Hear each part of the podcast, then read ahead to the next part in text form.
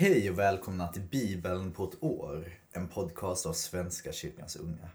Jag heter Oskar och det här är den 13 aprils läsning. Nu kör vi!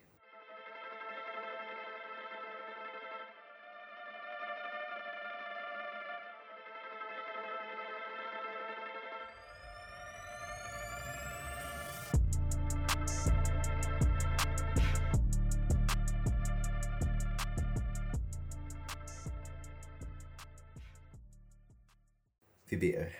Tack Gud för idag. Ge oss styrka, ge oss mod, ge oss hopp. Tack för att du tar oss i din stora omsorg. Tack för att vi får springa till dig när vi har det tufft och svårt, Gud. Tack för att du alltid lyssnar. Jag ber att du ska ge oss frid när det är svårt. Frid när vi känner att det är tungt. Var med oss alla. I Jesu namn. Amen. Vi börjar i Josua kapitel 7, vers 16 till kapitel 9, vers 2. Tidigt nästa morgon lät Josua Israel stiga fram, stam för stam, och lotten föll på Judas stam. Han lät Judas släkter stiga fram, och lotten föll på Serachs släkt. Han lät Serachs släkt stiga fram, familj för familj, och lotten föll på Savdi. Han lät hans familj stiga fram, man för man, och lotten föll på Akan. Son till Karmi, son till Savdi, son till Serach av Judas stam. Josua sade till Akan, min son, ära Herren Israels Gud och bekänn inför honom. Tala om vad du har gjort, dölj ingenting för mig. Akan svarade, ja, det är jag som har syndat mot Herren, Israels Gud. Detta har jag gjort. Bland bytet fick jag se en fin babylonisk mantel, 200 siklar silver och en guldtacka på 50 siklar. Jag blev frestad av det, så jag tog det. Nu ligger det nedgrävt i mitt tält med silvret underst. Josua skickade iväg några män som skyndade bort till tältet. Och mycket riktigt, där låg allt nedgrävt med silvret underst.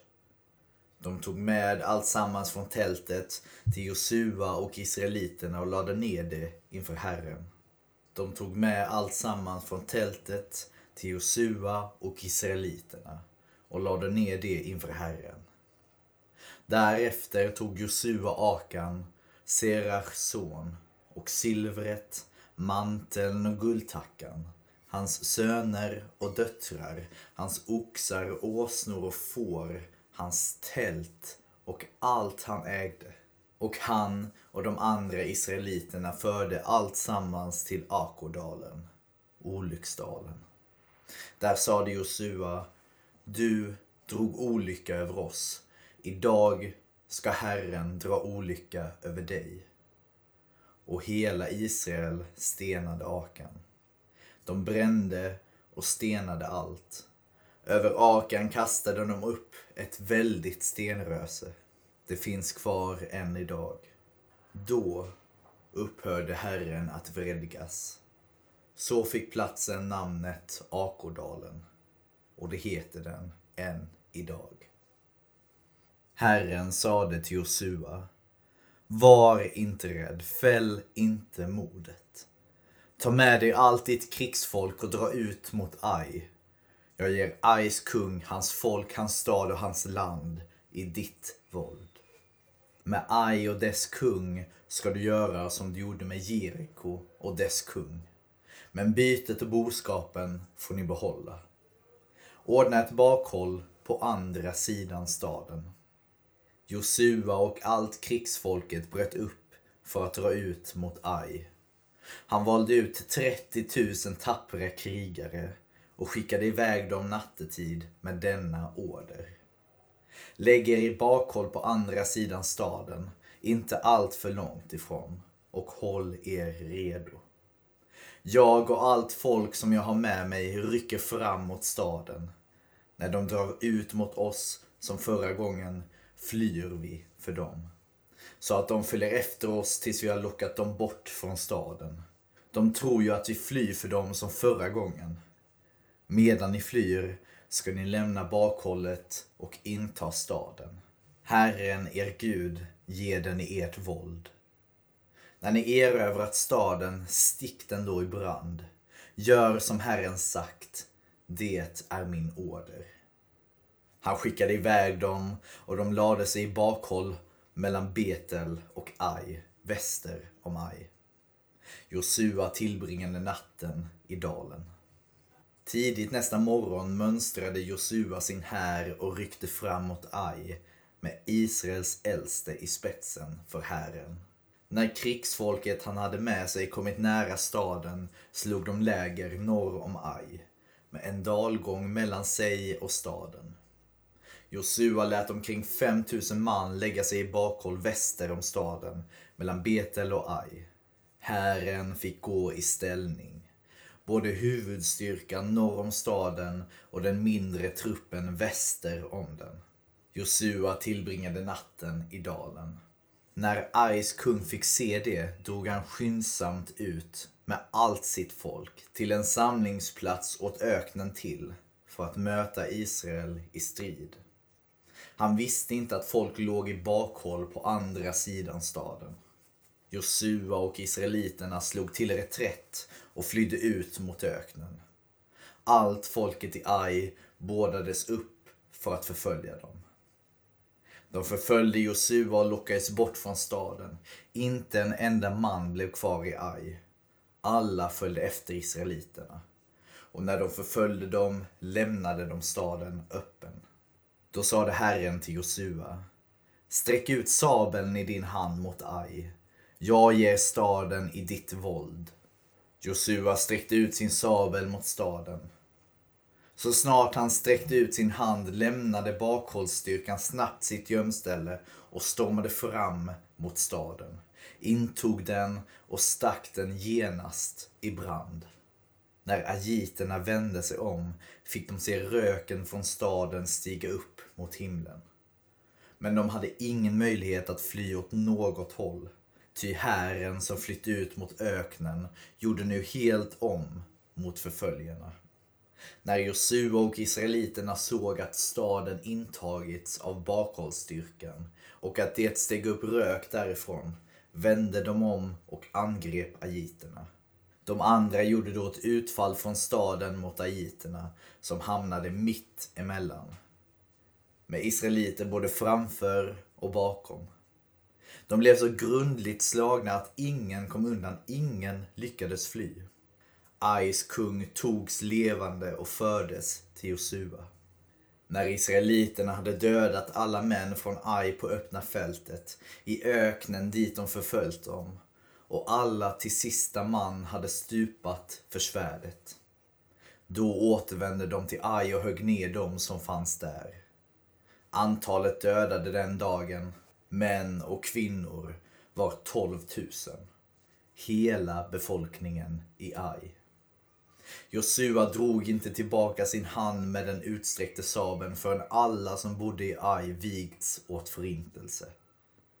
Men boskapen och bytet från staden behöll israeliterna, så som Herren hade befallt Josua. Josua brände ner staden och gjorde den för alltid till en ruinhög. Det är den än idag. Kungen i Ai hängde han upp på en påle där han fick hänga kvar till kvällen. Vid solnedgången befallde Josua att liket skulle tas ner. De slängde det utanför stadsporten och kastade upp ett väldigt stenröse över det. Röset finns kvar än idag. Nu byggde Josua ett altare åt Herren, Israels Gud, på Evalberget. Så som Herrens tjänare Mose hade befallt israeliterna och så som det står skrivet i Moses lagbok. Ett altare av ohuggna stenar som inte bearbetats med järn. Där offrade de brännoffer och gemenskapsoffer åt Herren. På dessa stenar gjorde Josua i israeliternas åsyn en avskrift av den lag som Mose skrivit hela Israel med äldste förmän och domare stod på bägge sidor om arken inför de levitiska prästerna som bar Herrens förbundsark. Allesammans, främlingar som infödda. Hälften stod vända mot Gersimberget, hälften mot Evalberget, så som Mose, Herrens tjänare, en gång bestämt att det skulle vara när Israel välsignades. Därefter läste Josua upp alla lagens ord, välsignelser och förbannelser. Alldeles så som det står skrivet i lagboken. Inte ett ord av det som Mose stadgat utelämnade Josua. Allt lästes upp för Israels församling samt för kvinnorna och barnen och de främlingar som följde dem. När alla kungarna väster om Jordan i bergsbygden, i låglandet och längs Medelhavets kust ända upp mot Libanon, hetiter, amorer, kananer, perser, hiver och jevuser hörde vad som hade hänt slöt de sig samman för att enade gå ut i krig mot Josua och Israel. Vi fortsätter i Lukas evangeliet kapitel 16, vers 1 till 18. Han, Jesus, sade också till sina lärjungar. Det var en rik man som hade en förvaltare och denne beskylldes för att förskingra hans förmögenhet. Mannen kallade till sig honom och sade Vad är det jag hör om dig? Lämna in dina räkenskaper. Du kan inte vara kvar som förvaltare. Förvaltaren tänkte Vad ska jag göra nu när min herre avskedar mig? Gräva orkar jag inte och tigga skäms jag för. Jo, jag vet vad jag ska göra så att folk tar emot mig i sina hus när jag mister min tjänst. Han skickade efter dem som var skuldsatta hos hans herre, en i sänder och frågade den förste hur mycket han var skyldig. Hundra krus olja, svarade mannen. Då sade han, här är ditt skuldebrev. Sätt dig genast ner och skriv 50. Sedan frågade han näste man, och du, hur mycket är du skyldig? Hundra tunnor vete. Då sade han, här är ditt skuldebrev. Skriv 80. Och Herren berömde den ohederlige förvaltaren för att han hade handlat klokt. Denna världens människor beter sig klokare mot sina egna än ljusets människor gör. Ja, jag säger er, använd den ohederliga mammon till att skaffa er vänner som tar emot er i evighetens hyddor när mammon lämnar er i sticket. Den som är trogen i smått är trogen också i stort och den som är ohederlig i smått är ohederlig också i stort. Om ni inte har varit trogna i fråga om den ohederliga mammon, vem vill då anförtro er det som har verkligt värde? Och om ni inte har varit trogna i fråga om andras egendom, vem vill då ge er det som ska tillhöra er? Ingen tjänare kan tjäna två herrar. Antingen kommer han att hata den ene och älska den andra, eller att hålla fast vid den ene och inte bry sig om den andra. Ni kan inte tjäna både Gud och mammon. Allt detta hörde fariseerna som älskar pengar och de gjorde narr av honom.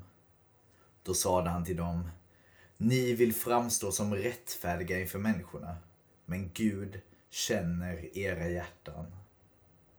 Det som människor sätter högt är skändligt i Guds ögon. Lagen och profeterna hade sin tid fram till Johannes. Sedan dess förkunnas Guds rike och alla trängs för att komma in där. Men förr ska himmel och jord förgå, en en enda prick i lagen faller bort. Den som skiljer sig från sin hustru och gifter om sig är en äktenskapsbrytare. Och den som gifter sig med en frånskild kvinna är en äktenskapsbrytare. Vi fortsätter i Saltaren, psalm 82, en psalm av Asaf. Gud står i gudaförsamlingen. I gudarnas krets håller han dom. Hur länge ska ni döma orättfärdigt och ta parti för de skyldiga? Ge de svaga och faderlösa deras rätt. Låt de hjälplösa och fattiga få rättvisa. Rädda de arma och svaga. Befria dem ur de ondas våld. De vet ingenting, förstår ingenting, de vandrar i mörker. Jordens grundvalar vacklar. Jag säger, ni är gudar. Alla är ni den högstes söner. Men ni ska dö som människor dör och falla som furstar faller. Gud, grip in, håll dom över jorden. Ty alla folk är din egendom. Och vi avslutar med Ordspråksboken kapitel 12, vers 2-3. Den gode vinner Herrens behag. Ränksmidaren fälls av hans dom. Ondskan ger inget fotfäste, men den rättfärdige är fast rotad. Det var allt för idag kära vänner. Tack för idag. Ta hand om er så ses och hörs vi imorgon igen. Gud välsigne er.